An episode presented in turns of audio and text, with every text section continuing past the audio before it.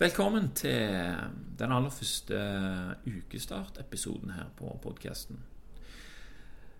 Dette er noe som jeg har tenkt over en stund, men som jeg ikke helt har tørt å begynne med. For å være helt ærlig så er det fordi jeg er redd for at det skal bli litt for mye for meg å gjøre, og at jeg skal ha dette hengende over meg, og at det skal være en kilde til dårlig samvittighet, som igjen gjør at den generelle kvaliteten på ja, livet mitt går ned. Da, sant? At jeg ikke får gjort alt jeg kan å lage en episode er ganske tidkrevende, egentlig. Men når det er sagt, så syns jeg òg det er veldig gøy å lage podkast-episoder. Og jeg har et ønske om å bli bedre til å gjøre det. Da vil det òg kanskje bli lettere.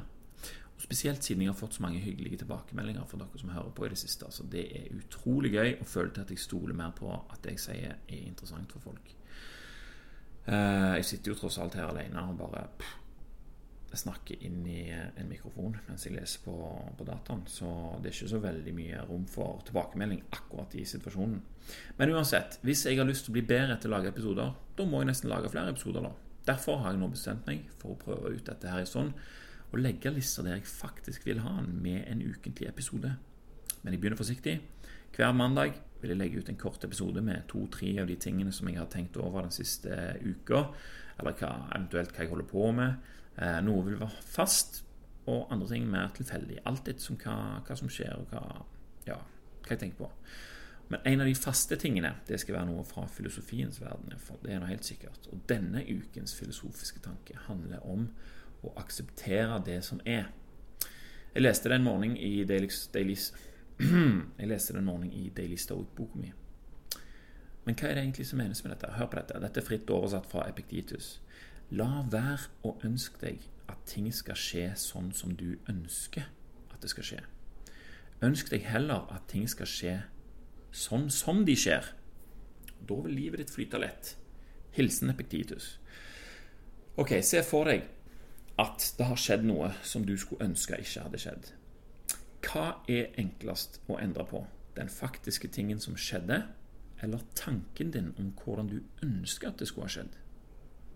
Er du med på den? Det er ganske åpenbart hva svaret på dette her er. Det er jo mye lettere å endre tanken vår om det som har skjedd. Om vi trener oss opp til å akseptere det som skjer i livet vårt, istedenfor å kjempe mot at det faktisk skjedde sånn som det gjorde, så vil vi kunne bruke den sparte kapasiteten her på andre ting som vi faktisk kan gjøre noe med. Og det er jo det som er den eh, hoved eh, tankegangen eh, i eh, stoismen. At det er to forskjellige eh, ting her i verden. La oss kalle det ting, da. Den ene tingen er det du kan gjøre noe med, og den andre er det du ikke kan gjøre noe med. Det du ikke kan gjøre noe med, er det meningsløst å bruke energi på. Sant vel? Mens det du kan gjøre noe med, det er der vi heller bør uh, sende fokuset vårt.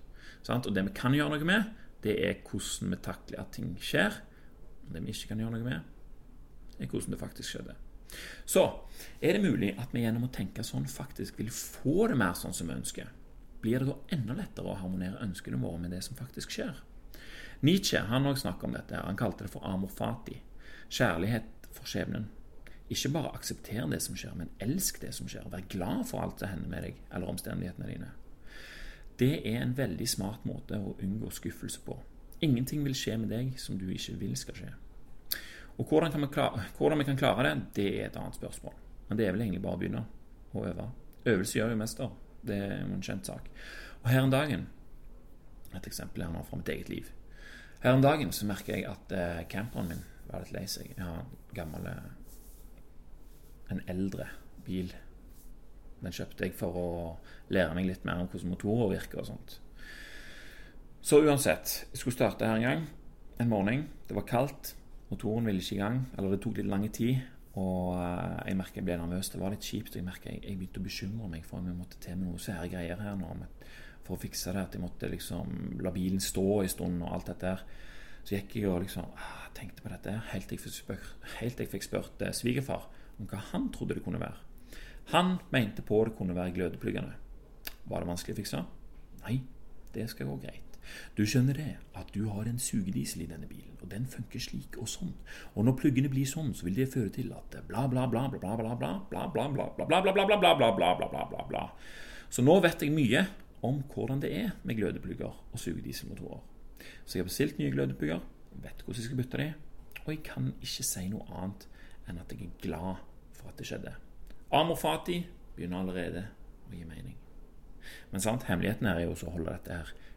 kontinuerlig, gjøre det hele veien. Øve på det en gang i uka, kanskje. Merker du at du har gjort det. Og så òg legge merke til når du har gjort det. Sant? Da blir det forsterka. Så plutselig så er du i gang, da, så har det blitt en vane, og så er du i stand til å se mye mer på det positive av alt som, som skjer. Men over til noe helt annet. Jeg leste i Thinking Fast and Slow her om dagen. Hvis du ikke har hørt om den boka, så har jeg snakket om den eh, i noen av de siste par episodene. Men akkurat dette her handler om giftermål, faktisk. Og En graf viste hvor lykkelige folk var i perioden før og etter de hadde gifta seg. Og den ga et litt av dystert eh, syn på ting. Altså, jeg er jo sjøl gift, og jeg vil jo at det skal være, ha vært et godt valg for hvor lykkelig jeg er i livet mitt, sant? og hvor, uh, hvor glad kona mi er for det.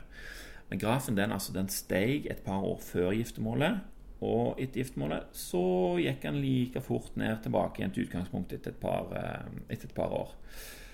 Og jeg tenkte åh, Er det virkelig sånn? Altså, det er jo, det er jo for så vidt logisk. Og det, det, det er sånn fordi at tingene begynner å få sin vante gang. Det er når noe er nytt og annerledes at vi er i stand til å merke effekten av det. At vi kjenner at det er annerledes, og vi er glad for det. Når det er blitt vanlig, så forsvinner det. Sant? Du er med på den? Uh, og for eksempel, altså Hvor glad er du i det, i det daglige livet ditt for at du har ti fingre, f.eks.? Det, det, det tror jeg nesten aldri har tenkt på. Men hvis jeg nå tar kaffekoppen og løfter den opp med, med langfinger og tommelen, så uh, så kan jeg jo være i stand til å være veldig glad for at jeg faktisk har ti fingre, og at jeg kan bruke det sånn som jeg kan. Eh, så sånn er det eh, for de aller fleste. Vi må tenke på noe for å merke at det har en effekt. Og når ting har skjedd samme dag inn og dag ut hele veien, så tenker du på andre ting enn det som er normalt, som skjer dag til dag. Men det du kan gjøre, er at du kan prøve å minne deg på å tenke på at eh, disse tingene som du tar for gitt, har en god mening for deg. Sånn er det. Det fins altså en måte å være glad for at jeg har gifta meg på, og det er ganske godt, det. Jeg bruker Five Minute Journal til dette. her. I den så skriver jeg ti ting Nei, ti, for være grenser. Tre ting jeg er takknemlig for hver morgen. Og her er det bare å fylle på med de tingene jeg vil skal ha større betydning for meg i det daglige. Ting som jeg gjerne tar for gitt. Ofte så er det familien min jeg er takknemlig for at jeg har. Og ofte er det det faktum at jeg står opp om morgenen for å skrive om alt jeg tenker på. Det gir meg større motivasjon til å lage god stemning for familien min gjennom dagen. Og det gir meg større motivasjon til å stå opp tidlig i morgen òg. Og det er fascinerende hvor mye som faktisk er opp til meg sjøl, om jeg bare finner de rette triksene til å overbevise meg om at det jeg holder på med, er bra. Jeg leste i bok heter 'Persuasion' her om dagen. og Der sto det òg det at eh, at uh, i en kinesisk fangeleir i Koreakrigen så brukte kineserne et triks at de fikk, fikk de amerikanske fangene til å skrive ned positive ting om, om kommunismen. De hadde sånne konkurranser der du kunne vinne to sigg, f.eks. For, eksempel, for den som skrev det beste essayet om, om kommunismen. da.